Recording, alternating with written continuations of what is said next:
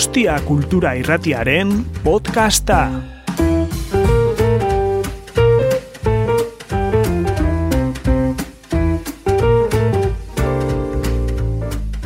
Arratsaldeon guztioi eta ongietorri literaktum jaialdira.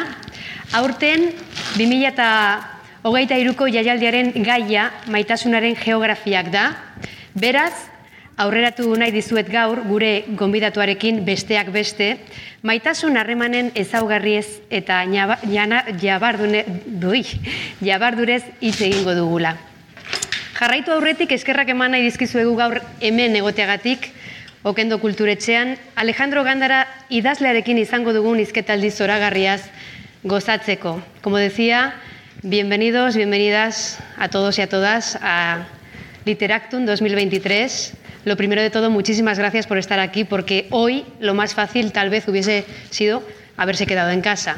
Por lo tanto, muy agradecidos de que estéis hoy con nosotros. Gozo Gozo en el Centro Cultural Oquendo para disfrutar de uno de los encuentros del Festival Literactum que nos lleva hasta Alejandro Gándara. Él es escritor y profesor. Actualmente dirige la Escuela Contemporánea de Humanidades de Madrid, donde estudiantes y creadores trabajan y colaboran en torno a distintos seminarios de investigación.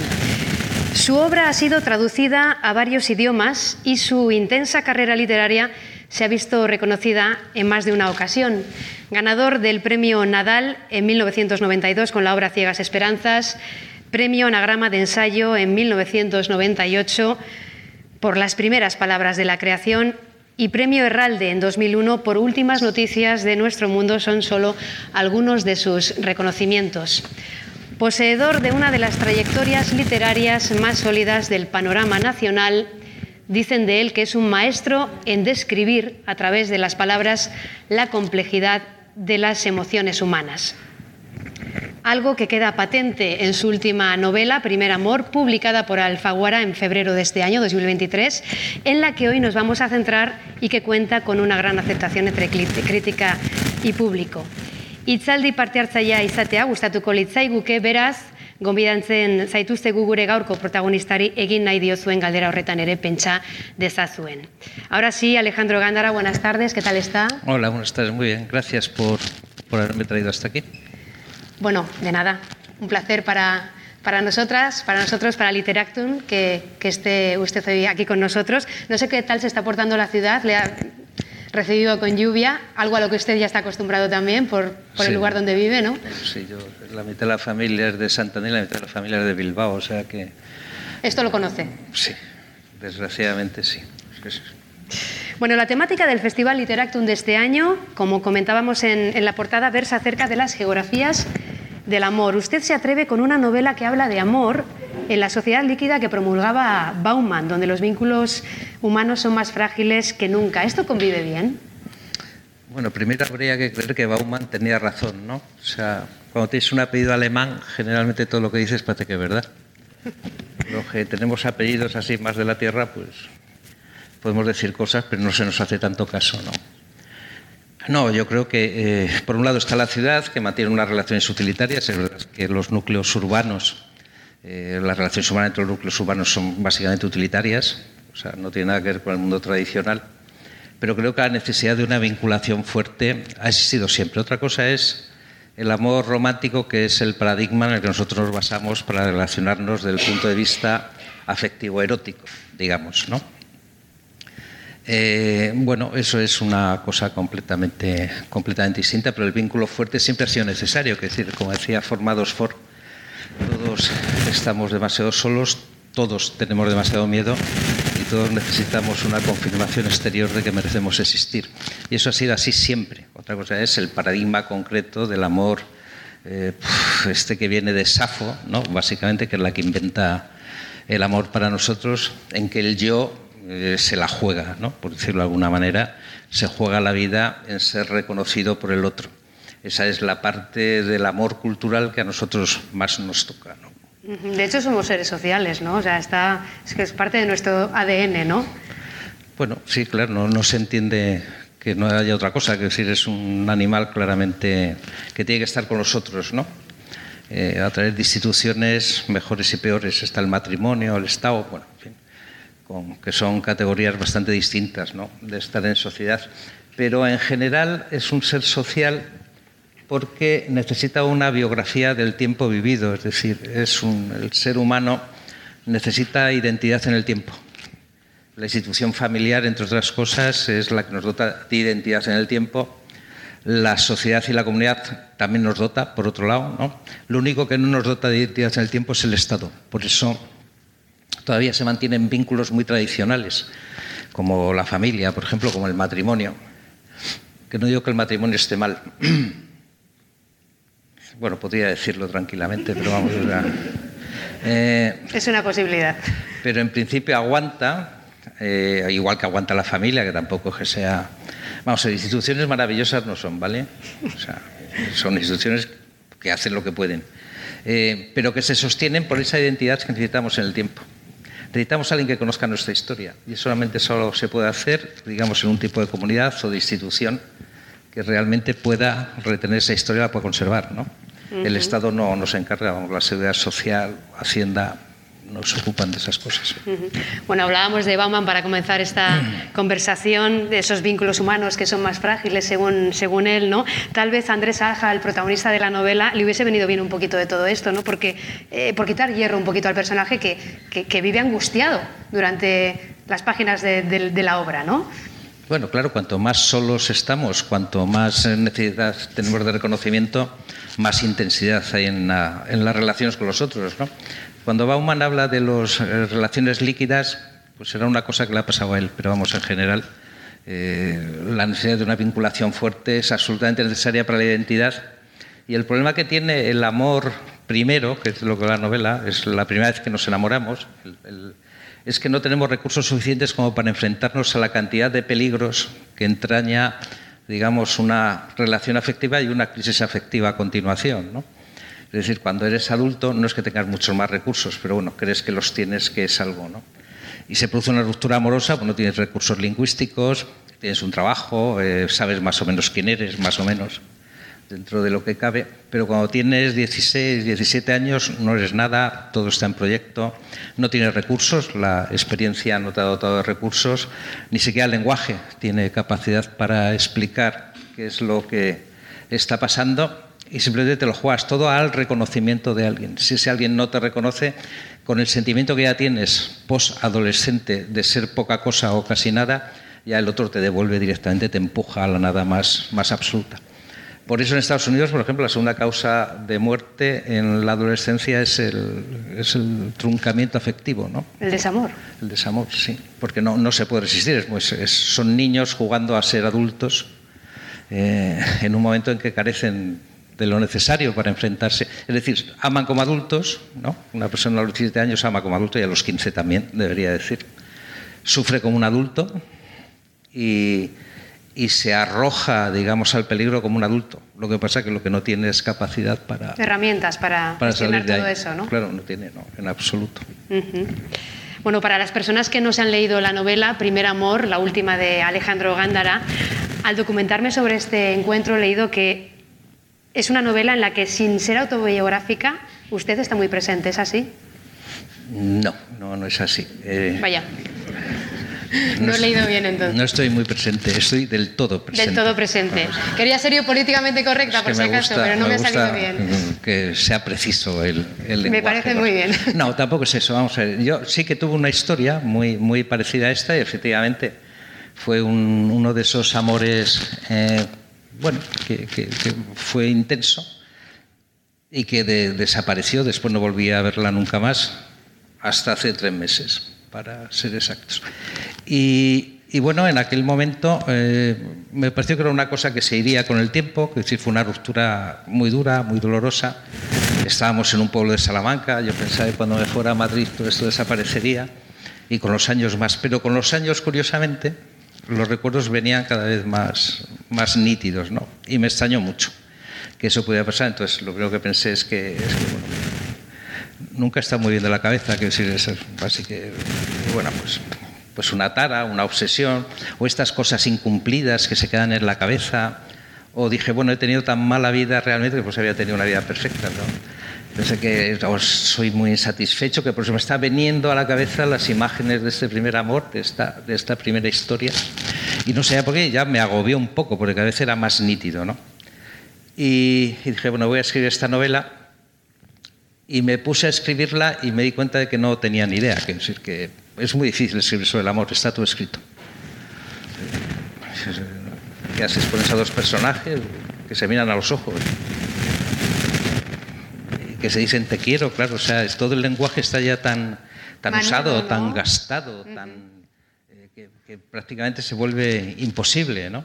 No digamos después de Antonio Gala. Antonio Gala ya acabó con, con los, los, últimos restos que quedaban de, del manoseo este absoluto del lenguaje, ¿no? Todavía me acuerdo una, aquello que decía una en la pasión turca, ¿no? Me siento morir humillada y ofendida. Es una escala como descendente, ¿no? Primero te mueres, después te humillan y después te ofenden. Yo siempre digo, es, raro, ¿no? Esta construcción, ¿no? Primero te matan, después te enfadas y después te pones triste. ¿No? Tendrá que ser al revés. Bueno, estaba muy gastado y realmente había una dificultad enorme ¿no? en construir y entonces me, me hice la, la, apuesta de contar solamente cosas que sintiera sin palabras.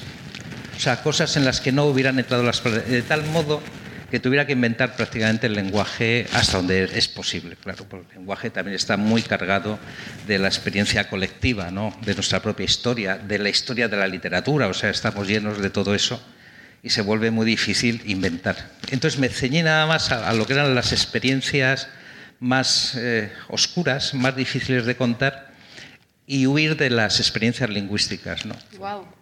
Entonces pues, eh, tienes labios de coral y dientes de marfil. Eso pues no, no, no, nos lo encontramos. Tratar de evitarlo, sí, en la medida de lo posible. o este tipo de cosas, de, de, hablar de la belleza de ella, que todo el mundo cuando se encuentra con una mujer, pero era guapa, bueno, y también lo puedes preguntar de él, ¿no? O sea, que si estas cosas están... Y, y, por ejemplo, pues uno no se enamora porque el otro sea bello, ¿no? Uno se enamora porque se enamora. Bueno, hay parejas por ahí que efectivamente no se enamoran porque sean bellas, ¿no? Efectivamente pienso en Mariano Rajoy, no sé. Bueno, mucha gente. Que es, es evidente que tiene que haber otra cosa por en medio, ¿no? Eh, y entonces construir también los personajes para que se viera que en el caso del amor humano, el físico eh, es hermoso porque remite a otras cualidades.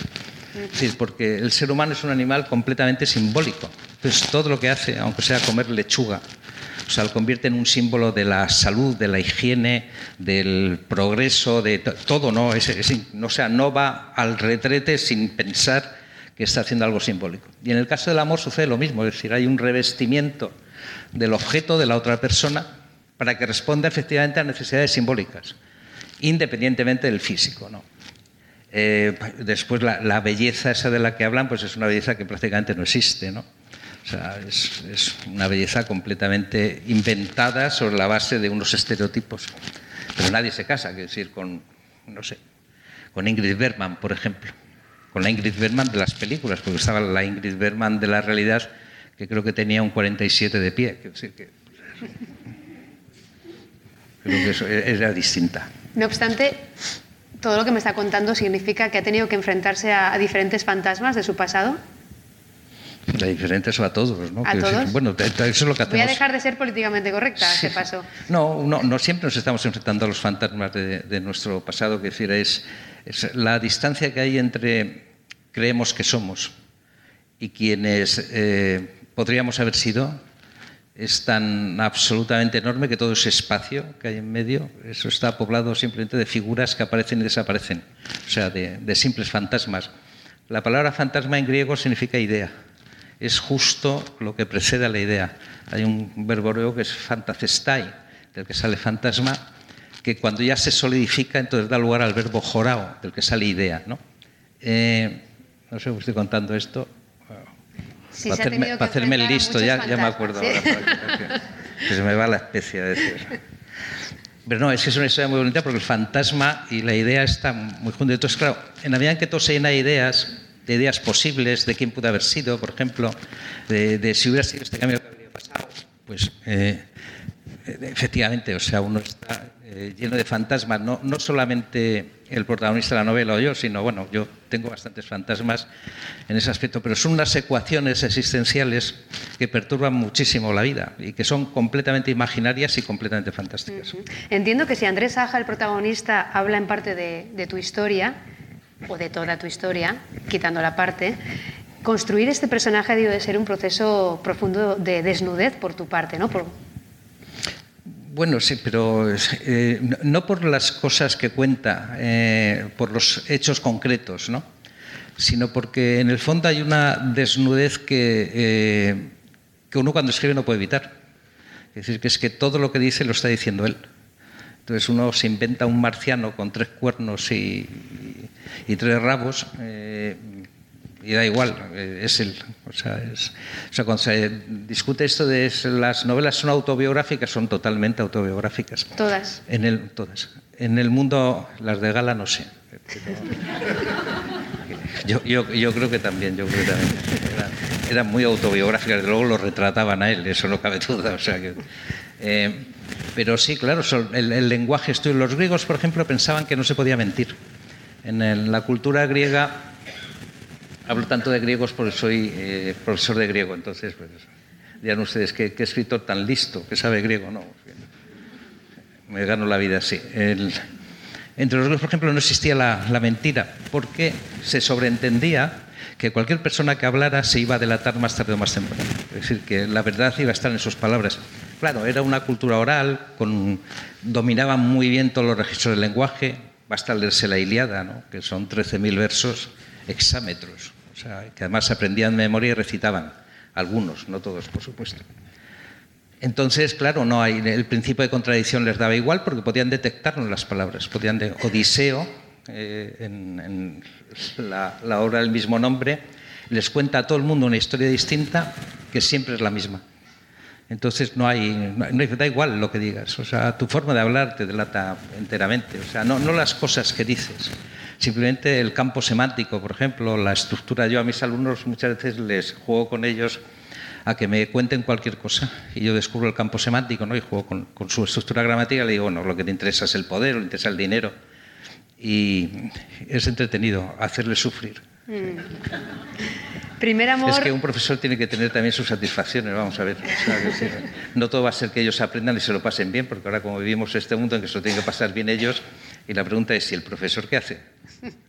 Yo para mí hacerle sufrir me parece que yo creo que me lo merezco, yo creo que no... Bueno, decíamos, primer amor narra el amor entre dos jóvenes, Andrés, que lo vive de forma desesperada, pasional, incluso dolorosa, ¿no? y Brígida, que lo hace de forma más neutra, diríamos más racional. Aquí el peso de sus orígenes también juega un papel fundamental. Andrés proviene de una familia, diríamos, desestructurada, de la parte pobre de la ciudad, del arrabal. Eh, sin embargo, Brígida goza de una situación eh, más privilegiada. Aquí esta diferencia de clases también, también es importante a la hora de, de entender un poco el amor que viven. Sí, es, es, importantísima. De hecho, la literatura española tiene la, obra más importante y la primera que se hizo sobre esa clase de amor que se llama Amor Saltabarreras, sociales, es decir, uno se enamora de aquello que es difícil conseguir, que es la Celestina. ¿no? La Celestina es una construcción en la cual un, converso, presunto converso según estudio Maraval, eh, o sea, trata de llegar a, otra, a otro nivel social. Eh, el amor siempre está animado por el obstáculo, desde Safo para acá, es decir, allí donde hay obstáculo y hay afecto, se convierte en pasión. Es, la suma, o sea, alguien te gusta, además es un obstáculo quererle o tenerle o estar con él y eso acaba desembocando en una, en una pasión. ¿no? Entonces, bueno, es uno de los estímulos de la pasión, especialmente el obstáculo, la, la clase social, o es que la, la clase social hay que definirla muy bien, pero bueno, dentro de nuestro, digamos, eh, uso vulgar, eh, vamos a aceptar pulpo como animal de compañía. Venga, pues sí. Mm. Ese amor que duele, que usted escribe también en este maravilloso párrafo, entiende por qué hay que morir, porque la vida de detenerse en su umbral y dejar que el alma siga su camino. ¿Por qué? Porque lo más hermoso de la vida es insoportable. ¿Ese amor que duele es propio de ese primer amor que comentaba usted al comienzo o puede llegar a doler en cualquier época de la vida? Lo que pasa que tal vez tenemos otras herramientas para gestionar ese dolor. Bueno, el, el amor siempre duele. Es decir, el amor eh, a, a cualquier... eh, Pero tanto. pues, si duele, duelen tanto las muelas, pues, como, como se pongan a doler, eh, duelen. Cada cosa duele. Cuando a uno le duelen las muelas, le parece que es lo que más duele del cuerpo. Y cuando le duele un pie, le parece que los pies duelen más que nada en el cuerpo. Eh, es- esa es la vida, ¿no? Pero eh, hay, hay mucho dolor en el amor. Cuando uno se enamora, deja de ser el que era. Eso es una primera muerte dolorosa. O sea, uno ya no está en sí, sino que tiene que estar en otro. Tiene que estar pensando en otro, por ejemplo. Es como una ocupación. Los griegos pensaban que se había introducido un demonio. Eros, para los griegos, es un daimon. Es, es un espíritu intermedio que se cuela, se apodera de ti. Y entonces es verdad que cuando nos enamoramos hay un momento en el que lo único que desearíamos es que no nos hubiera pasado. O sea, porque es doloroso, porque ocupa la mente, porque desborda, ¿no? Hay un desbordamiento de, los afectos, de las sensaciones, del pensamiento. No se hace otra cosa. Eh, después, cuando pasa la primera fase, uno tiene que fundirse con el otro y, esta es la, famosa operación matemática, sobre la cual uno más uno eh, son tres, ¿no? Eh, y hay que trabajar con los dos que eran, más el que tienen que construir entre ellos. Es decir, es un proceso de metamorfosis en el cual uno se va arrancando la piel durante mucho tiempo. ¿Para qué? Para desembarcar en el matrimonio. Para ver Telecinco en el sofá los fines de semana. No, esto es broma, pero quiero decir, es, siempre es muy doloroso. Entonces, como, como tú decías antes, ¿no? en la medida en que uno tiene recursos, sabe que eso es así, eh, se protege también eh, de algunas cosas, o sea, pues tal, pero cuando uno no tiene, claro, defensa posible, ni siquiera protección, ni, pues claro, va, va- a lo loco. No obstante, en ese primer amor que, que usted narra en, en la novela, eh, la huida y esa sensación de asfixia es casi también como un personaje más de la obra, ¿no? El mismo Andrés lo reconoce siempre a las puertas de una despedida, dice. Una huida que se materializa con la ruptura de, de Brígida, que la convierte así en un recuerdo presente, yo creo que durante toda la vida de, de Andrés, ¿no? Del Sí, protagonista. sí, sí, toda la vida, vamos, al menos es lo que, lo que me pasó. De hecho, el primer capítulo largo se llama Si el amor es dolor. O sea, no lo distingue. O sea, hay un momento en que uno no sabe si se ha enamorado o si, o si tiene una hernia, ¿no? O sea, que decir, lucha, lucha con ello, pero realmente no lo desearía. Hay un momento también en la novela en el que se habla de la paz que sentía justo anterior a, a ese enamoramiento y la echa de menos. Es Claro. una- lógicamente. Pero no porque el amor vaya mal, no porque el amor sea doloroso, no, siendo el amor satisfactorio, es decir, hay algo que se le ha arrancado a uno, o sea, hay algo que uno ya no tiene ni va a tener. ¿No? Hay una inocencia que ha desaparecido ya para siempre y la inocencia desaparece en el momento en que uno sabe que las cosas que hace pueden producir dolor. Ese es el momento en el cual no hay inocencia ya posible. Mm, Lo estás comentando tú a lo largo de, de esta conversación, muy presente también en la obra el concepto para mí ¿eh? de la impermanencia de, de cada uno de los personajes, Andrés y Brígida, ese continuo cambiar, ¿no? Cómo el amor los va moldeando en sus mentes y en sus emociones. Y la Brígida de ayer ya no es la misma que la de hoy, o Andrés ya no es igual al que será mañana. El amor siempre en el centro como ser todopoderoso, ¿no? Sí, Capaz sí, de cambiarnos. Sí, por eso decían los griegos que era un daimon, quiero decir, porque realmente es una fuerza que se, que se impone ahí, que no, no sabemos dónde viene, bueno, no, no se puede explicar, de hecho, ni desde el punto de vista psicológico, ni desde el punto de vista, digamos, bioquímico, como hacen algunos, ni nada, simplemente es que el ser, por decirlo de alguna manera, se unifica de pronto, es como si todos los órganos, las energías, los fluidos del cuerpo, los pensamientos del cuerpo, las- los resortes del cuerpo, los espacios del cuerpo, se fundieran uno y se dedicaran nada más a un único objeto. Y desde ese momento solamente vieran el mundo a través de un único objeto. Solo hicieran eso. Es una psicosis. Es también la definición de psicosis, es exactamente lo mismo. Es decir, es- el mundo se convierte en un delirio, que decir, todo el mundo es ese objeto. Todo lo que atañe a ese objeto forma parte del mundo, todo lo que no atañe a ese objeto deja de formar parte del mundo. Cualquier mínimo gesto de ese objeto nos afecta en lo más profundo. Es un objeto, como suelen decir, hiperestésico, es decir, nos hace sentir muchísimo todo el tiempo. Es como estar soñando.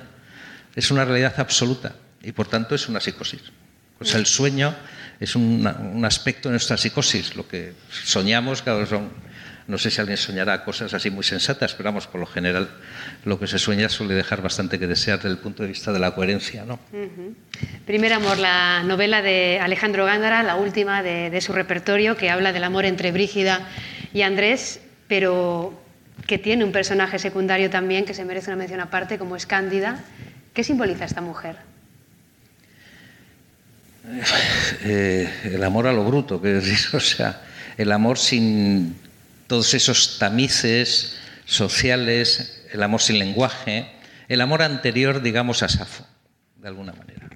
El amor en el que el yo no juega ningún papel, en el que, en el que no te estás comparando, en el que no estás conquistando, en el que, en el que no existe ese lenguaje de guerra que tiene el amor, o sea, poseer, conquistar, tener, ¿no? esas cosas que parece que han comprado una finca, ¿no? Los amantes, pues eso, eso desaparece. El amor de Brígida es completamente lírico. Algún crítico ha dicho que es un poco como el cante hondo, ¿no? Que tiene ella, que viene además del sur, que tiene un lado de...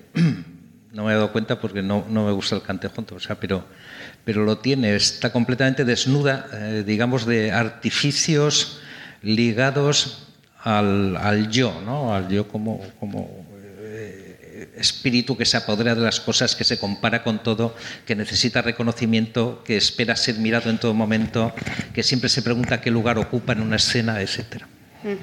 El amor que se describe tiene mucho que ver con la época en la que sucede, situada en 1975, donde, y leo directamente del libro, la mayoría de los matrimonios que conocía eran una batalla campal en un campo de miseria. Los hombres pegaban, las mujeres obedecían y conformaban. ¿Hemos logrado cambiar algo en todo este tiempo? Poco. Eh, lo de la mujer, que bueno, que, eh, es que era así. Eh, yo recuerdo que en, aquel pueblo se pegaba prácticamente a todas las mujeres y no se consideraba que fuera un pecado especialmente grave. De hecho, yo creo que no se consideraba que era un pecado. Eh, las trataban como a los perros y a los niños, quiero decir, o sea, como que necesitaban ser educadas y por el bien, digamos, de ellas se mantenía esa violencia permanente con ellas.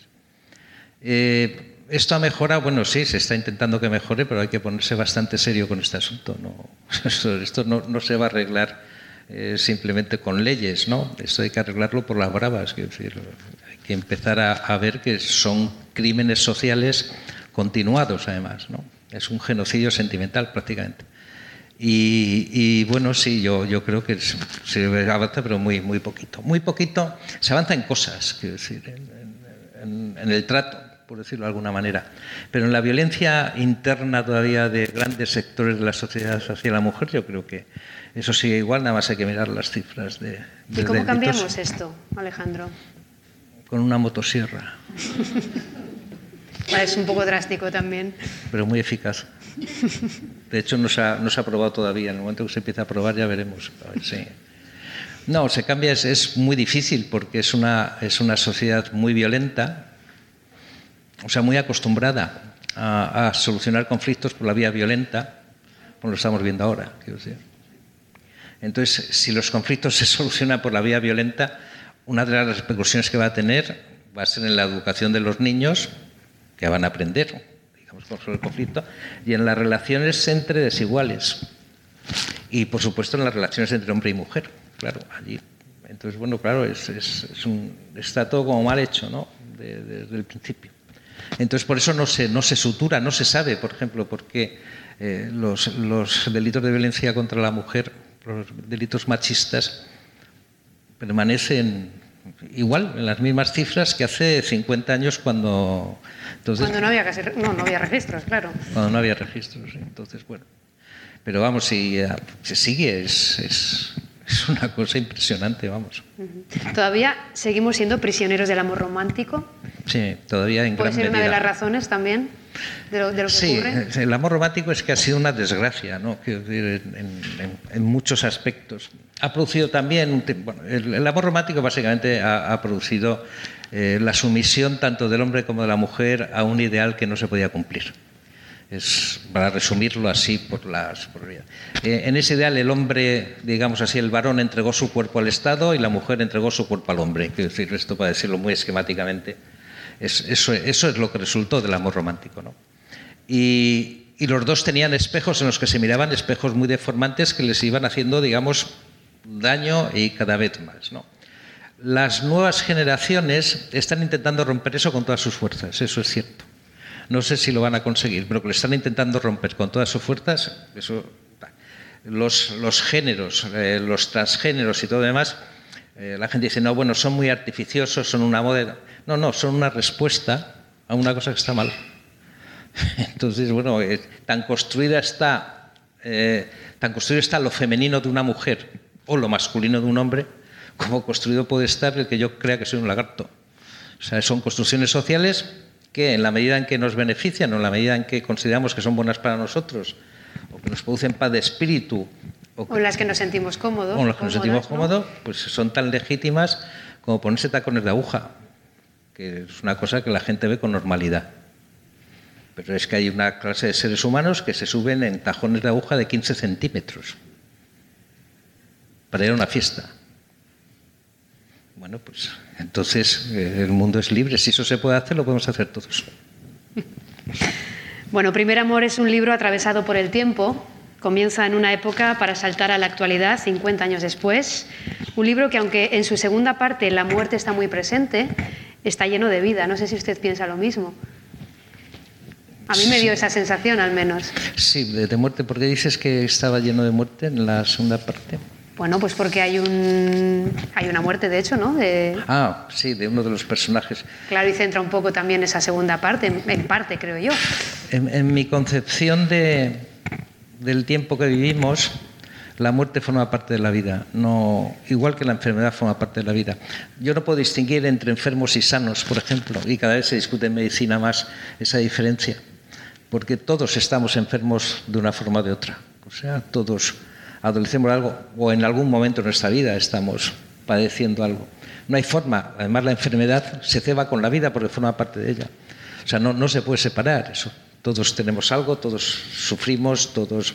No, es absolutamente eh, artificial intentar hacer esa, esa diferenciación. ¿no? Y por tanto, vida y muerte me parece que son las dos caras de una misma moneda. Es decir, vivimos como vivimos porque, precisamente porque morimos. ¿no? Si no muriésemos, pues seríamos otros absolutamente distintos. Seríamos Julio Iglesias, por ejemplo. Pero no, todos somos eso, claro. Bueno, es curioso cómo Andrés, de regreso a, la ciudad después de 50 años, busca a una la Brígida de 18 años y es incapaz de reconocerla cuando se cruza con ella. Eh, ¿No? Quiero que me cuente, ya que en parte es autobiográfico, si esto le ocurría a usted también. Sí, sí, eso no se puede inventar, quiero decir, estaba... Pues cuéntenos aquí la historia, que de aquí no va a salir. No, pues me fui con un amigo cuando ya tenía, yo qué sé, pues 45 años. Eh, me fui con un amigo a los carnavales del pueblo este de Cerrodillo, ¿qué tal? Entonces él, me dijo, tal, y bueno, tal. Dije, bueno, voy a, ver si encuentro a, esta chica que tenía otro nombre. A Brígida. Y a Brígida. Y entonces él se dio cuenta, eh, en un momento dado me preguntó, oye, ¿por qué miras tanto a las, a las jóvenes? ¿No? Te da un poco vergüenza. O sea, dije, yo no estoy mirando a las jóvenes, estoy buscando a, a Brígida. Dice, ¿qué crees? Que tiene 18 años. Y estaba buscando a una chica de 17 años, pero tan fresco. Entonces, claro, estaba pirado, entonces me di cuenta, yo, claro, que yo era una persona enferma y que necesitaba tratamiento o algo, yo qué sé, o calimocho, lo que me dieran, pero que necesitaba cosas. Porque... Y entonces en ese momento me di cuenta de hasta qué punto hay tiempos que no se mueven, hay tiempos que se quedan ahí para siempre. Y yo me había quedado en un tiempo y bueno, yo ya había envejecido y todo lo demás, pero seguí buscándole exactamente a ella como era entonces. ¿no? ¿La llegó a ver? No, nunca. Pero sí hace tres meses. Sí, Cuéntenos esto. Sí, sí. Porque nos quedamos ya con, Bueno, pues yo nunca, nunca llegué a encontrarla porque ella se fue del pueblo enseguida y, yo también. Pero hay unas fiestas muy tradicionales en Ciudad Rodrigo que son los carnavales del toro, que son patrimonio de la humanidad, me parece. Bueno, patrimonio del pueblo, no tengo ni idea. Pero son importantes. Entonces yo iba a todos los carnavales a ver si la veía y nunca la vi. Y, yo iba, pues cada dos, tres años iba a un carnaval a ver. Y ella hacía lo mismo. Y no coincidíamos, nunca coincidíamos en un carnaval. Con lo cual, pues nada, fue pasando el tiempo, el tiempo, el tiempo, y ya, pues yo claro, ya al cumplir 60 años me pareció que era, que, debía dejar de intentar encontrarla, ¿no? Y, y de pronto, cuando publiqué la novela, al cabo de dos meses, recibí por Instagram un mensaje muy de eso y tal, y he intentado verte muchas veces, pero nunca lo he conseguido a lo largo de estos años. Y me contó varias cosas que le habían pasado cuando iba a encontrar, bueno, menos mal que no nos encontramos, por el bien de nuestras respectivas familias, porque hubiera sido un poco desastre. Aparte que era todo tan loco que no lo puedes explicar. O sea, esta es una cosa que no puedes decir en casa, por ejemplo. He quedado con mi novia de los 17 a la que no veo desde hace 45 años, pues claro. Al final hemos tenido que confesar ambos, hemos tenido que confesar que sí, que está unido al otro, claro. En, en, mi casa yo tengo problemas, claro, yo, este, este, tipo de cosas, pero no porque la esté viendo ni nada, sino duda mucho de mi equilibrio psíquico, o sea, duda mucho de que yo sea una persona que pueda estar con mis hijos, por ejemplo, o de que pueda, digamos, eh, administrar mis bienes. O sea, hay dudas, pero severas. ¿no? Y en su casa eh, creo que está pasando lo mismo. Que, entonces lo que hacemos es ahora vernos a escondidas. Y lo cuenta aquí. Eh, sí, pero, pero, Yo- luego de esto hacen un podcast. bueno, esto es San Sebastián, ¿no? Porque Sí, sí, sí. Pero bueno, por si acaso no comparta ningún enlace. no, no, es, Para que esto se quede aquí. no cuando he ido a Salamanca, por ejemplo, estaba hace una semana en Salamanca con otra cosa y también me hacen hablar del libro y no he dicho nada, ¿eh? Ahí como un muerto. o sea pero después estas cosas son muy graciosas y haces esto y dices, ah, como estoy en San Sebastián no pasa nada y siempre hay alguien de tu pueblo, no se sabe cómo, o sea, siempre hay alguien de Ciudad Rodrigo en todas partes. ¿Cómo ha pasado eso? Es una cosa que ignoro porque. Y, ya, me pasó una vez, resulta, yo soy de Santander, nací en Santander, yo, mitad, es, la mitad de la familia es de Bilbao y la otra mitad es de Santander. Mezcla interesante también. Eh, y yo, bueno, he estado tranquilo todos estos años y ella ha vivido, atención, 14 años en Santander. Wow. Toda mi familia es de Santander. Y ella se casó con el director de la Nestlé de Santander. Intentó verme como una docena de veces y siempre pasaba algo. O no iba yo, o un hijo se le ponía enfermo, los niños eran pequeños. Y no, eh, todo ese tiempo en Santander. Y yo, claro, yo voy allí en Navidad, en verano, porque toda la familia la tengo allí. Y, no conseguimos vernos, o sea que era una cosa realmente estaba, estaba escrita, ¿no? Pero vamos, ahora la situación es muy incómoda, sí. Ahora es.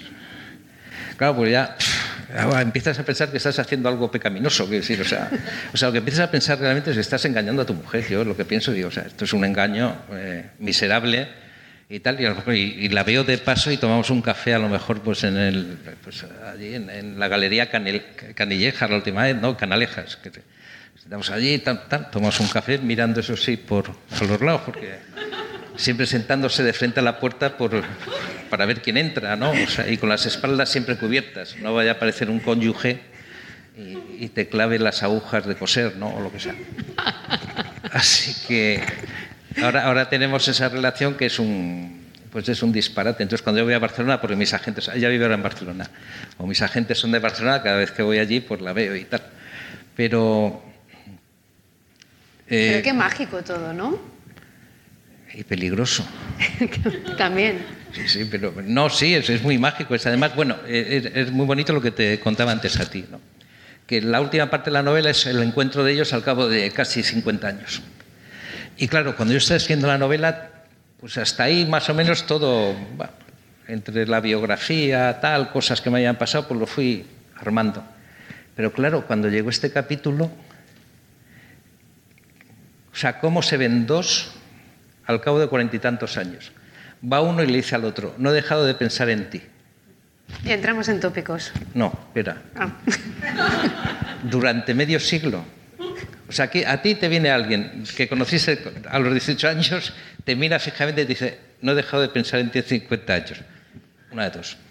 Llamas a la chancha para que te protejan. O sea, que decir, pues estás ante un loco, claramente. O sea, es una persona enferma que no está bien. Eh, eh, no digamos después le dices, bueno, es que tú has pensado en mí como yo he pensado en ti. Claro, o sea, o sea, era una, una conversación que no se podía tener en una novela. Era simplemente pues una, una cosa imposible. ¿no? Entonces llegué a pensar eh, incluso en contratar a un detective para que la localizara, porque yo no sabía si estaba en España o extranjero, y presentarme en su casa y decirle soy yo y tal, y a ver cómo era eso, porque yo tenía que escribir esa novela, o sea, llevaba ya 200 páginas, me quedaban 50. Y no había manera de. Y claro, yo eso no lo cierre. podía acabar porque tenían que encontrarse, y ese era el plan original y no se podía acabar de otra manera la novela más que encontrándose. Entonces, claro, porque yo tenía que. Entonces, nada, la novela se quedó parada un año porque yo no tenía ni idea cómo. Entonces, ya no sabía qué hacer, intentar localizarla, producir el encuentro, a ver si. Entonces, finalmente, como tenía que acabarla, eh, pues escribí lo que a mí me pareció que iba a pasar. Eh, de forma muy suave, claro, porque él, no puede decirle de pronto he estado pensando en ti 50 años, o sea, entonces él no le dice eso, no se atreve a decírselo. Va saliendo a lo largo de la conversación, va saliendo el pensamiento de él, porque esto era, es todo muy tremendo. Pues yo pensaba por un momento, imagínate que le dices, he estado pensando en ti 50 años y ya te dice, yo, en ti también. Es como, eh, de alguna manera, como si la vida de los dos se hubiera perdido. Como, dices, entonces, ¿qué he hecho? Estoy viviendo, he vivido la vida de otro.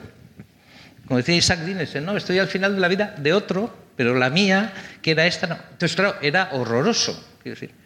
Eh, entonces, ¿qué podía decirle ella? ¿no? Bueno, ella tiene que decirle que no ha estado pensando en él de la manera en que, en que él ha pensado en ella, ¿no? O sea, bueno, bueno, lo que se me ocurrió. Digo, voy a matarle a un hijo a ella.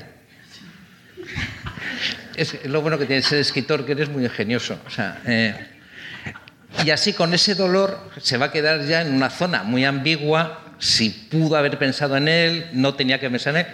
Tal, tal, lo, primero que me dijo nada más verme, después en la realidad, fue que cómo me había atrevido a matarle a un hijo en la. Eso es lo que más le había ofendido. Claro, es un poco gafe, o sea, decir, bueno, pero es lo único que se me ocurrió para tratar de deshacer, para que lo más. Y, y, la muerte de un amigo, que esto sí pasó, y la muerte de un amigo muy querido de los dos. Eh, de tal forma que el amor pasara, digamos, o sea, fuera relati relativizado como tema dentro de lo que es el amor, la vida y la muerte. ¿no? Y así, bueno, más o menos salí. Bueno, después cuando la encontré, en nuestra primera conversación, fue exactamente como la escribí. O sea, no se movió ni un ápice. Wow. Ya te digo yo que es mágica. Sí, mágica sí, la sí. novela. Fue una cosa muy, muy inquietante porque pasó exactamente lo mismo. ¿no? Sin querer hacer spoiler. La única diferencia es Sí. que mm, lo que la novela no cuenta es que después nos vemos a escondidas. Eso es la novela de Bueno, y que esto se quede aquí. y, que, hay y problema. que esto se quede así, si es posible. ¿no? O Bueno, sea, sin querer hacer No hay nada de spoiler. Ciudad Rodrigo, ¿verdad? sí, hay, hay, hay, hay- No me lo puedo creer. No, Bueno, yo no, mi familia política, no te preocupes. no te hables con ella, ¿no? Por el amor de Dios, si es que es imposible, o sea, o sea, Pero que no, que no conozco a nadie, no te preocupes. Es Y no va a decir nada, ¿eh? ella es muy discreta. No, no, pero en algún momento se encontrará con su familia política, beberán una noche vieja y dirán, pues yo conocí a un escritor de Ciudad Rodrigo que, por cierto... Ya, bueno, dices que no digo, y yo como lo sé. ¿Bebes, bebes en noche vieja? Es, es amiga mía. Yo, yo la, yo la mantengo, la mantengo. Pero de todas formas lo que yo me pregunto es, ¿cómo es posible? Pero no sé, Ciudad Rodrigo no es Manhattan. O sea, quiero decir, o sea, te- ¿a cuántas personas de Nueva York se han encontrado ustedes en una conferencia? Nunca ninguna. 18 millones. Estos son 12.000. Y te los encuentras en todas partes. ¿Qué? ¿No ves? Es imposible. Es como si les digo, yo conozco uno de Calvarrasa de abajo, soy de Calvarrasa de abajo, que es un pueblo, por cierto, de Salamanca, y uno se encuentra, vaya por donde vaya en España, a uno de Calvarrasa de abajo. Pues no es posible. Pues esto sí. Dos. Pero no van a decir nada. Todo lo que he dicho en esta sesión, todo me lo acabo de inventar para... Me acabo de inventar para que tengamos una tarde agradable, ¿vale? Porque fuera yo, pero nada más. Habíamos quedado en eso antes, ¿verdad? Sí, sí, sí. Bueno, no queremos hacer spoiler, decía, eh, por si hay alguno que nos haya leído el libro, que recomendamos encarecidamente desde aquí porque está muy bien. Eh, pero sí que es verdad, como decíamos, que la muerte, por lo menos para mí, sobrevuela esa segunda parte del libro cuando ya nos trasladamos a la actualidad.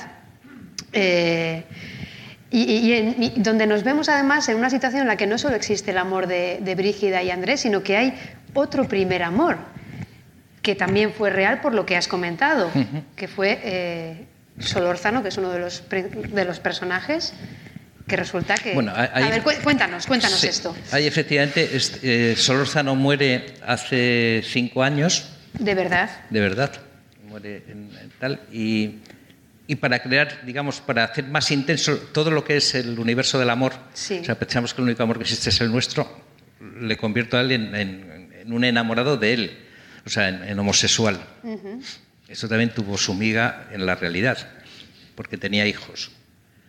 Y me inventé lo de homosexual. Entonces, cuando fui a Ciudad Rodrigo a presentar la novela, vinieron los hijos, claro. Y tardé un rato en convencerles de que era una novela. Porque, claro, pero me, decía la pobre hija, la mayor, dice, pero mi padre realmente era homosexual. Digo, no, esto es una construcción novelística, o sea, no tiene nada que ver. Y una chica que era diputada por las Cortes Regionales estaba, claro, compungida, porque además era de un partido de derechas. Entonces, pues, era, claro, un, horror para ellos. Y, dice, no, no podrías decir en la presentación que no es. Entonces, bueno, eh, fue construir realmente lo que es un primer amor, todos esos primeros amores que pasan ocultos, ¿no? O sea, todas esas personas de, que, de las que te has podido enamorar o se han enamorado de ti o que tú has visto enamorarse y que no han dicho nada.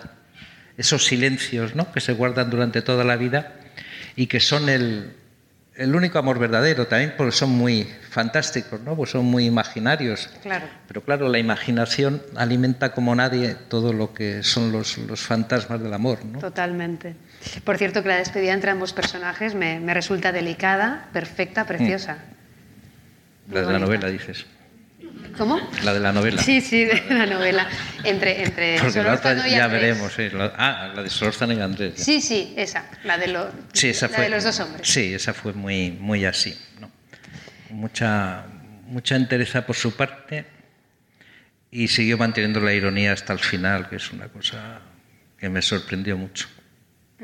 Y yo también tenía experiencia en ese. Yo, yo estuve durante cinco años en paliativos, en- apoyando, digamos, a, a- a la gente que, médicos y psicólogos que estaban en los instantes finales de la gente por cuestiones de había estado estudiando cosas y, y por mis Bueno, que aparece en la novela también. Sí. Entonces, bueno, los dos estábamos, digamos, habíamos madurado bastante esa, esa situación y pudimos sacarla adelante, eh, aunque no era fácil. Se juntaban dos cosas, una que no nos veíamos tampoco desde hacía muchísimo tiempo, y dos que el encuentro era para verle morir, ¿no? Claro. Entonces, se junta ese, por ese final de la novela eh, es tan, tan intenso, ¿no? Una parte están los primeros amores y por otro están las primeras muertes, ¿no? Cierto. ¿Cómo es para un escritor, Alejandro, acompañar a los protagonistas en esas casi cinco décadas de, de historia, de vida? Es complicado. Nunca he llorado más en mi vida. Porque hay una cosa en, en volver hacia atrás que es una melancolía. Claro. Entonces es como revivir toda. Cuando tú revives la historia de tu vida, el tiempo que has vivido, inevitablemente, que es la sensación de pérdida, eh, da igual que lo anterior fuera mejor o peor, ya no eres ese, no es está en otra parte. Somos seres con edad. Somos seres que nos transformamos en el tiempo, ¿no? El bebé que éramos no sabemos, no tenemos noticia de él ni tenemos memoria, y el niño que éramos tampoco, el adolescente muy poco, y sin embargo sabemos que seguimos siendo él, ¿no? O sea, hay un sentimiento de pérdida profundo que se va haciendo más profundo con el tiempo y se pasa mal. Yo al final lo pasé mal eh, escribiendo cada una de esas pequeñas cosas. Bueno, enseguida cedemos la palabra al público, pero antes, eh, ¿cómo concibe Alejandro Gándara el amor en su madurez? Porque el concepto de amor a lo largo de la vida, como no hemos parado de, de repetir aquí, es, es algo cambiante, ¿no? Bueno, ahora con muchos problemas, como acabo de explicar. Eh, pues el amor es, es, es- El amor es una forma de crecer con otro. No es una forma de poseer al otro, no es una forma eh, ni siquiera de estar con el otro. Es alguien que puede estar eh, muy cerca de ti o no tan cerca de ti con el, con el que crece. Yo siempre la imagen que se me ocurre es la de dos que van paseando por una calle de la mano, pero cada uno mirando en una dirección distinta. ¿no? Eso es lo que, lo que el otro ya hay otras cosas, el enamoramiento, que es la pasión, que bueno, que forman parte de otros territorios que me parecen eh, peligrosos y muy culturales, es decir, la forma en que se acerba, por ejemplo, el cine y en general la cultura de masas, el amor loco, eh, que es una, una, construcción enteramente, es un revestimiento, pues no, no, me, no me impresiona mucho y me parece que ese no es el amor. El amor es eso que queda después de haberse esforzado uno mucho en comprender al otro. Qué bonito. Cuando ya conocemos, como digo yo, perdónenme, ¿eh? todas las mierdas del otro, ¿no? Sí, claro, que, que son lo Y aun y todo lo aceptamos y lo queremos. Sí, pero es difícil pasar esa barrera. Eso sí, es como sí. la tercera ola de cuando entra en la bahía, ¿no? Que esa es, esa es la complicada. Mm. Pero si la pasas, bueno, te encuentras con el ser humano. O sea, si es que te gustan los seres humanos, claro. Mm. Si preferimos el revestimiento perpetuo, pues entonces eso es Don Juan, ¿no? Que necesita estar enamorándose siempre para no destruir la, la imagen, el fantasma que se crea del otro. Uh -huh. ¿Le, ¿Le, habría dicho algo si pudiera a su yo de 18 años para aliviar en parte ese peso, esa, esa angustia, esa carga? No, no me hubiera entendido. No, me, lo han preguntado en alguna otra ocasión, pero no, creo que no, no podría haberle hablado. Somos tan distintos, pero decía que éramos seres con edad, ¿no? Que, no, no creo, creo sinceramente que, que, no habría podido con... Yo a veces pienso en que, que, somos seres muy distintos, ¿no? Yo cuando llegué a Madrid, por ejemplo, que era un sitio muy pobre, muy... Recuerdo un día, un día que estaba paseando por la Castellana y no había ni siquiera tiendas, o sea, era una cosa... Era una época gris, realmente, ¿no? Eh, eh, recuerdo el... Y no sé qué voy a contar se me ha quedado la imagen. ¿De qué está hablando? Si le hubiera de... dicho algo a suyo de 18 ah, años. Y entonces recuerdo que me metía en los parques, en los jardines, y me pasaba allí muchísimas horas, porque los sentidos se me llenaban. Claro, yo venía de la montaña y de aquel pueblo que está en las estribaciones de Gredos, y bueno, claro, yo era un montañés puro, ¿no? Eh, y entonces necesitaba refugiarme en los parques. Puedo recordar eso, pero no puedo recordar las sensaciones que tenía. Ya. No sé cómo eran. Uh -huh. Entonces, claro, era otro ser completamente distinto. Uh -huh. Y yo creo que, tal como lo cuenta la novela, no, hubiera podido, no habría podido hablar con él. Habría sido imposible. Uh -huh. Bueno, nos queda pendiente hablar de proyectos futuros, pero si le parece bien llega el momento de ampliar esta charla y hacer partícipe al público que hoy está en Oquendo compartiendo estos momentos del Festival Literactu en Beraz, norbaitek alderaren batekin nahi badio, Alejandro Gandarari, orain unea da, si alguien quiere hacerle una pregunta a nuestro invitado de hoy, pues ahora es el momento. Animaros, de verdad, porque es un privilegio poder, poder charlar con, con él como estáis comprobando. A levantar la mano y nos acercamos con el, con el micro.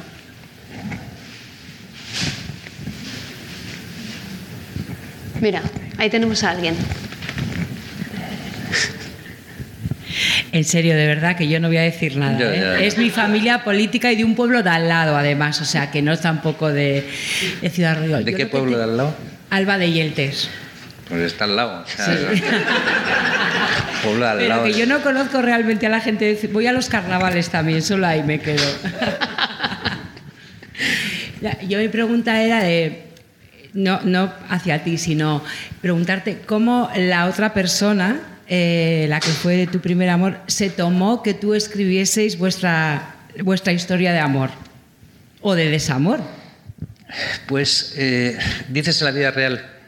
Sí, sí, cuando os habéis eh, reencontrado al cabo del tiempo. Bueno, es que aquí hay- tenemos una discrepancia. Según yo, ella me dejó a mí. Oh, Según ella, yo la dejé a ella. Bueno, entonces hemos intentado aclarar esto porque, claro, es que es una situación un poco, poco extravagante, ¿no? Entonces parece ser que en un momento dado, claro, es que después, cuando pasa tanto tiempo, reconstruir fielmente cada una de las palabras que se dijeron es complicado, ¿eh? Entonces, bueno, eh, es verdad que ya llegó un día y me dijo, en mitad de unos carnavales, que pues los odio, en mitad de unos carnavales me dijo, pues no, eh, me han dicho mis padres que no, que ahora es tiempo de estudiar, que no puedo seguir contigo, que, bueno, que, que tienes que entenderlo eh, y tal. Y le dije, pues mira, no quiero volver a verte, pues no quiero sufrir, o sea, ni me hables en tu vida, vamos. Entonces ella lo pensó durante 15 días y entonces un día estaba hablando yo con, con un amigo que era amigo de los dos, ella se acercó y antes de que abriera la boca yo le dije, por lo visto, Eh, te dije que no volvías a acercarte a mí y iba en serio, o sea, desaparece. Bueno. Eh, según ella, lo que había pasado en primer lugar no era importante, según yo, lo que había pasado en primer lugar era muy importante. Y según ella, lo segundo que ella hizo fue acercarse, pero yo no vi que eso fuera ningún acercamiento, sino que, bueno, venía a... Entonces, ahora lo que me dice es, si eso hubiera seguido, bueno, no sabríamos que eso sí es la sospecha que tengo, solamente tenemos que haber esperado seis meses y estar en Salamanca juntos, y ya está. Se habría arreglado todo. Pero claro, esto es hacer la quiniela del domingo, hacerla el lunes, sí, pero yo no sabía eso en aquel momento, qué decir. Y entonces ella, ante ese corte que, le pegué, por lo visto, ese, último, ese hachazo. ¿no? Dice que estuvo durante años sin poder eh, estar con nadie, vamos, porque tenía miedo a esa violencia personal, a esa, forma de cortar, ¿no? Y, y, tal. Y yo tarao, como se ve, que si no, me quedé así, de un aire. Pero es muy difícil, o sea, las relaciones humanas, es que vamos, o sea, ni con semiología, hermenéutica, eh, o sea, las arreglas, porque es que están llenas de recovecos y de matices. Para mí aquello fue matarme, o sea, fue, claro, yo no podía permitirme otro disparo en la cabeza, ¿sabes? O sea, que no, no. Entonces, claro, tuve que rechazarla de una forma cortante, ¿no? Y para ellas, en cambio, lo, el trauma que se le queda es el que cuando intenta acercarse no es... Pero los dos traumas son igual de grandes pero vistos desde... ¿Pero a ella le ha molestado que hayas, hayas escrito esa historia? ¿O no, le, ha... le molestó lo del hijo nada más, que le mataron un hijo. Pero, pero que después pensé yo, yo estaba aterrado, o sea, imagínate que, que, se le ha muerto un hijo por cualquier... Yo pensaba que nunca más volvería a verla, o sea, que nunca volvería de tal y que, bueno, que era una cosa que además, caso que la leyera, no se iba a identificar con eso, porque tú imagínate un amor de los 17 18 años que viene el tipo y te ha salido novelista. ¿vale? O sea, y escribe una historia, bueno, y por ahí, ¿no? O sea, que yo lo veía imposible. Pues pues pensaba, digo, imagínate que... es, que, es que hasta qué punto los primeros amores se buscan, ¿no? Que eso es algo que no sabemos, pero yo reconozco que a mi primer amor también lo he buscado en Facebook. No lo he encontrado, pero es decir que no, claro, no se sabe, ¿no? Porque es la primera vez que nos jugamos la vida. Que nos jugamos la vida eh, conscientemente. Es decir, que decidimos jugarnos la vida. O sea, y los niños lo saben. O sea, cosa de 15, 16 años que se ha enamorado y lo sabe. Sobre todo si es chica. El chico ya es, es un poco distinto. Pero vamos, yo, he visto a hijos míos con 15 años, chicas, pasarlo, pero pasarlo como una mujer enamorada, ni más ni menos. O sea, y con la misma madurez te explican las cosas, lo que pasa que lo que no tienen son recursos. O sea, no tienen para poder con ello. Entonces el primer amor se nos queda porque es una herida tan grave que salimos de ella vivos de milagro. O sea, hay que tener mucho cuidado, quiero decir, o sea, si te enamoras de verdad, si, o sea, si pones toda tu identidad en el otro, quiero decir, si te enamoras románticamente, ¿no? A los safo, ¿no? O sea, todo, vas con todo ahí. Y te lo quitan todo. Tú no tienes nada más que eso. Y te lo han quitado todo y entonces, bueno, pues lo que tienes que hacer es, a ver cómo sobrevives para no ahogarte, ¿no? Entonces, claro, no me extraña que lo recordemos, es un impacto importante, ¿no? Mira, ahí tenemos otra pregunta. Al, en el final de la sala. Hola, buenas tardes, Alejandro. Yo me pregunto, ahora que le estaba escuchando hablar, eh, esta historia a usted le ha acompañado toda la vida, como ha dicho, ¿por qué la ha escrito justo ahora y si ha tenido tentación en algún momento eh, dado a hacerlo antes? ¿El qué? ¿Lo último, perdón? ¿Por qué ha escrito usted esta historia ahora, ¿no? después de tantos tiempos, y si a lo largo de estos años ha habido algún momento en que también se le había ocurrido hacerlo? Sí, efectivamente. Bueno, ya, tengo miedo cuando alguien habla. Yo digo, va a decir, yo también soy de Ciudad Rodrigo.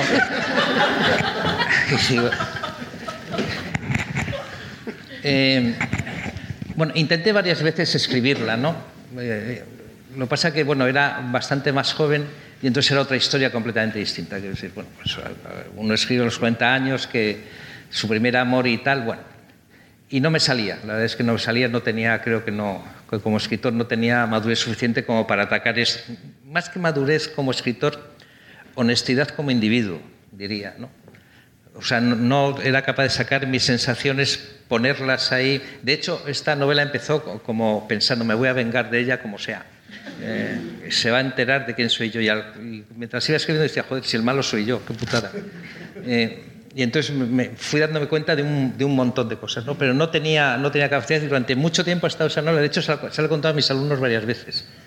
A los alumnos de una escuela de estudios avanzados que hay en la Complutense, o sea, mirar esta historia, no diciéndoles que era yo, claro. O sea, pero ya, claro, yo ya sospechando que con el tiempo, o sea... siempre Bueno, y ahora ya lo saben. ¿no? Sí, ahora ya se acabó todo esto. ya es- o sea, hay, hay- hay muchos comentarios sobre esto. Y, y no sabiendo nunca cómo, cómo engancharlo. Es curioso que la haya escrito efectivamente ya con sesenta y tantos años, eh, a pesar de que el folleto dice que nací en 1947, no es así, ¿vale? He nacido bastante después. El- el- es cuando me he dado cuenta de que la mayor parte de las cosas que hemos vivido las hemos vivido eh, sin conocer el sentido que tenían. O sea, han sido puras experiencias, nos han pasado cosas. Pero hay un momento a partir de la vida en que dejan de pasar las cosas y entonces lo que ha- has vivido empieza a tener sentido, empieza a ser algo. Es como si hubieras vivido dos veces. Por eso, hacerse viejo, que no es mi caso, eh, eh, hacerse viejo significa vivir por segunda vez lo que ya has vivido, es decir, tener la capacidad de darle sentido, que antes no tenías. Entonces, curiosamente, si quieres escribir sobre el primer amor, es mejor que sea a partir de los 60, que es cuando a eso puedes darle alguna especie de sentido. Yo creo que con 40 años no era capaz todavía de darle sentido. O sea, no, no tenía, yo digo, mi honestidad personal, mi capacidad de poder entender las experiencias de la vida no tenía el punto en el que yo hubiera podido profundizar de esa manera. ¿no? Hay un renacimiento. Vivir mucho tiempo es la oportunidad de vivir dos veces.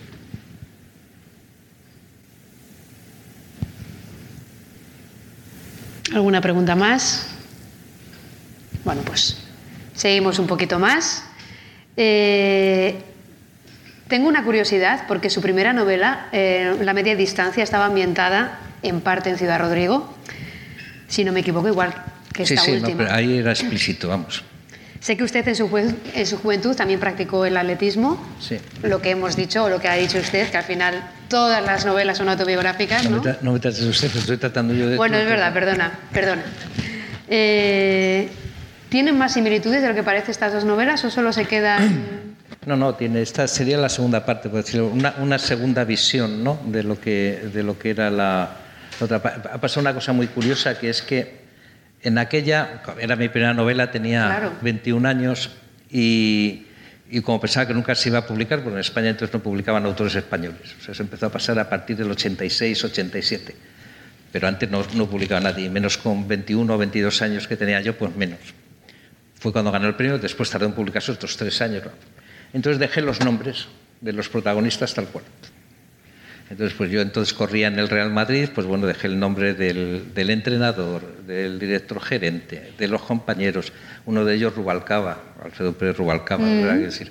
Entonces dejé los nombres tranquilamente y pasé de todo, como nunca se iba a publicar. Y después, cuando se fue a publicar, me di cuenta de que, de que tenían los nombres de las personas tal cual y dije, "Joder, voy a- voy a cambiarlo porque esto es un problema. Y después pensé, que cambiarlo a todos. Si ya se llaman así, ya los he leído, los voy a dejar y que sea lo que Dios quiere. Como nadie lo va a leer, ya está. Eh, bueno, la novela se leyó, la leyeron todos y nadie se identificó con... Decía, joder, mira qué gracioso este personaje que se apellida como yo. Sí, era él. Bueno. Y con esta, dije, en esta dije, nada de poner nombres, ¿eh? O sea, aquí todo cambiado. Todo el mundo sabe quién es. Entonces, claro, me he dado cuenta de que en las novelas, si tú pones a un tipo que se llama con sus dos apellidos, su carnet de identidad y todo lo demás, ¿qué, imaginación tiene? ¿Qué, cómo, capacidad de ficción? ¿eh? Y además, mira, mira, se llama igualito que yo. Pasa pero no se parece en nada. Ahora, ocúltalo y ese es el... Bueno, ahora cuando está en Ciudad Rodrigo, bueno, había... Por cada personaje aparecían 12 o 14 que eran ellos. Y eso que me había molestado en cambiarles el nombre, la profesión, el todo. O sea, no nombrar el pueblo. Bueno, por supuesto era Ciudad Rodrigo. En la primera que aparecía Ciudad Rodrigo, todos decían, debe ser un pueblo de estos, o sea, ha elegido un pueblo simbólico ¿no? para contar la historia y era Ciudad Rodrigo, no era un pueblo simbólico, era Ciudad Rodrigo, pero entonces era un pueblo simbólico. En este ni lo menciono y es Ciudad Rodrigo desde el primer día. O sea, en el país, en el ABC, esto como saben ustedes es Ciudad Rodrigo, Bueno, das pistas, ¿eh? pues sí doy pistas, pero si, si no nombro el, el- el pueblo, déjalo en paz, ¿no? O sea, no. Bueno, me viene a la cabeza ese dicho que dice que uno eh, no es de donde nace, sino de donde pase. ¿Se siente usted, perdón, se- te sientes tú más castellano que, que de Santander en este sentido? Porque allí pasaste buena parte de Yo tu eso lo he oído ¿no? decir de las vacas, pero, pero bueno, entonces yo es que nunca he pacido tampoco. A mí los dichos castellanos no, no es una cosa que me vuelvan loco, ¿no? O sea, los refranes y estas cosas de los castellanos, eh, eh, ande yo caliente, ríase la gente, estas cosas. Eh, me parece de un pueblo de zánganos más bien que otra cosa, pero y poco solidario, ¿no? En general. Eh, yo de donde me siento realmente, y, y lo puedo decir tranquilamente, me siento de Madrid. Me siento de Madrid en el sentido de los madrileños que hemos llegado de todas partes de España. Por ejemplo, eh, este año una cuarta parte de mis alumnos son vascos. Eh, no hay ninguno de Salamanca, por suerte. Eh, hay una parte que es de Valencia, no hay catalanes, hay una parte también de cántabros y madrileños hay uno. ¿no? Entonces, claro, cuando uno habla de Madrid debe tener en cuenta que hay una parte de Madrid que somos todos los que hemos llegado de otros sitios. Eh, unos escapando más y otros escapando menos, pero que nos hemos ido. ¿no? Que eso no tiene nada que ver con la sociedad madrileña eh, que vive, por ejemplo, al otro lado de la castellana, dirección oriente, eh, Goya, Serrano y demás, que eso es un mundo aparte. Madrid hay muchos Madrides, o sea, no, es, es muy difícil. Pero yo de donde me siento es de donde han nacido mis hijos, donde he estado toda la vida, en la parte de Madrid que me corresponde, es decir, en, en- en mi, en mi zona geopolítica, por decirlo así. ¿no? y, y sí, porque he vivido ahí toda mi vida, excepto la parte que viví en Londres, no. eh, La verdad es que es, es donde he estado. y, y dices, es de donde pase, es que es tan fina la expresión realmente que no sé qué decirte. No, es donde. Eres de donde te has enamorado. No, Pues entonces de Ciudad Rodrigo, ¿no? no, eso fue un amor nada más. o sea, no, y de Ciudad Rodrigo nunca. Y de hecho, Ciudad Rodrigo no, nunca me. Ya iré manejando esta historia de manera que no me cause problemas. Seguramente en la siguiente conferencia eh, diré que Ciudad Rodrigo está inventado y punto. Que era, que era Zamora o Villanueva de la Cañada, yo qué sé, cualquier cosa.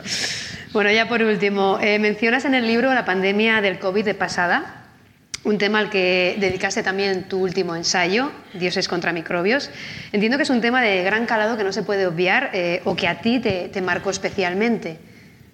La COVID, dices. Sí. Sí, bueno, Madrid, eh, no sé si, si vosotros lo recordáis, ¿no? Madrid hubo una primera avalancha de muertos que estaban, el Palacio de Hielo lo teníamos lleno de muertos, o sea, cuando en el resto de España todavía no había pasado nada. Y fue realmente un momento muy, muy difícil para todos, ¿no? Mientras la conducta del gobierno era absolutamente aberrante y daba cifras cuando ni siquiera estaba, había suficientes eh, mecanismos, digamos, para saber quién está infectado y quién no, y solamente contaban los que iban a los hospitales. Entonces, ahí decidí eh, escribir algo contra esta forma de ver las cosas tan exclusivamente cuantitativa, tan falta de solidaridad y de empatía. No hubo un solo programa, eh, digamos, de la televisión estatal dedicado a apoyar a las familias que estaban pasándolo mal con los niños metidos en casa, fuera de las escuelas. O sea, no se hizo nada, por decirlo así, cualitativamente, y solamente se dedicaban a decirnos, o sea, los que habían muerto, los que no habían muerto, y a discutir entre los partidos políticos eh, si había que ponerse mascarillas eh, o no, y cuánta gente debía estar en un local. Eh, fue para mí un penoso caso de la falta de cultura, de educación y de dignidad de, de la clase gobernante. Y ahí lo que hice fue un ensayo comparando qué hubiera hecho un griego clásico en ese- esa misma situación. Ellos pasaron un griego del siglo V antes de Cristo, eh, de 50 años, había pasado al menos siete guerras, tres epidemias, llamamos las pestes, cuatro hambrunas, más o menos esta es la media que tenían. Y en su literatura no se ve este, esta, esta cosa espasmódica, ¿no? Eh, tan alborotada, tan, tan loca como la que nos pasó aquí, aceptaban la vida y la muerte como integradas en, lo mismo. No empieza a ver en literatura gestos de dolor personal hasta muy entrado el siglo XVIII, donde se da por supuesto que el dolor formaba parte de la vida, que la gente está enferma, no sé, Rousseau, por ejemplo, pues eh, tuvo, digamos, una enfermedad eh, en la vesícula y tenía que llevar un botecito así durante toda su vida y le causaba unos dolores extraordinarios. Jamás lo menciona. Uh -huh. Entonces nosotros fuera una, un caso de pavor colectivo eh, sin información. O sea, fue, no, no, teníamos información suficiente ni para tener esperanza, ni para, ni para estar enloquecidos, pero mucho menos para tener a unos incompetentes incapaces de controlar a la población en un sentido emocional, en un sentido intelectual y, por supuesto, en un sentido espiritual. ¿no? Bueno, no, no nos queremos despedir de esta manera. Eh, nos gustaría saber cuáles son tus próximos proyectos a corto o medio plazo. Esta novela se ha publicado en este año, en febrero. Sí. Bueno, ahora, ¿Estás escribiendo? Sí, ahora uh, acabo un libro sobre la felicidad, sobre los demonios de la felicidad se llaman, que es, eh, según la literatura antigua, cuáles son los verdaderos peligros para tener una vida buena. Y con este me haré aún más famoso. Eh, como te, contiene también partes de griego y de hebreo, va a ser muy popular. O sea, estará todo el mundo de, deseando o sea, leerlo. Y eso, ¿Para cuándo lo esperamos? Pues eso depende de que alguien lo quiera publicar, porque es, ese tipo de libros que escribo, eh, Dioses contra microbios, curiosamente lo publicaron en un mes. O sea, lo escribí en un mes y al mes siguiente estaba publicado una cosa maravillosa en Ariel, además. Pero este no lo sé. Esto, en cuanto vean las palabras en griego y eso, es probable que, que se retrase una década o así la, la publicación. O sea, si es que se publica y no acabo publicándolo en Amazon. O sea, ¿cuál de eso? Que no Bueno, sería te- raro. Te seguiremos la pista. Ya, ya os avisaré. Perfecto. Alejandro Gándar, ha sido un verdadero placer compartir esta charla acerca del amor dentro del Festival Literactum, desgranando tu última novela, Primer Amor, con, con las personas aquí, aquí presentes. Ojalá que hayan disfrutado lo mismo que yo de esta, de esta charla. Gracias por tu generosidad. A vosotros. Y hasta Muchas la próxima. por- muchas gracias por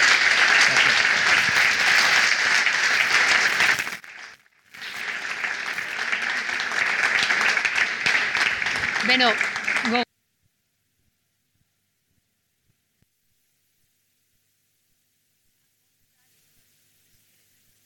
buruak sinatuko dituela topaketa hau amaitutakotan. Ah, orain, vamos.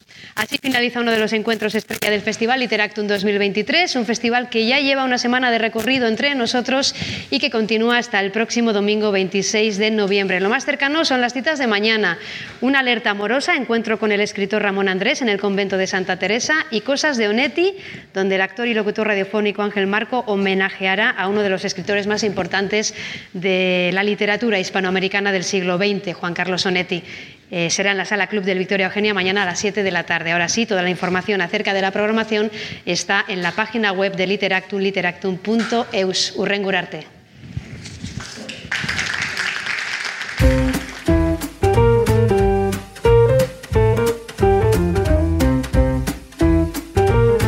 Donostia Kultura Irratiaren podcasta.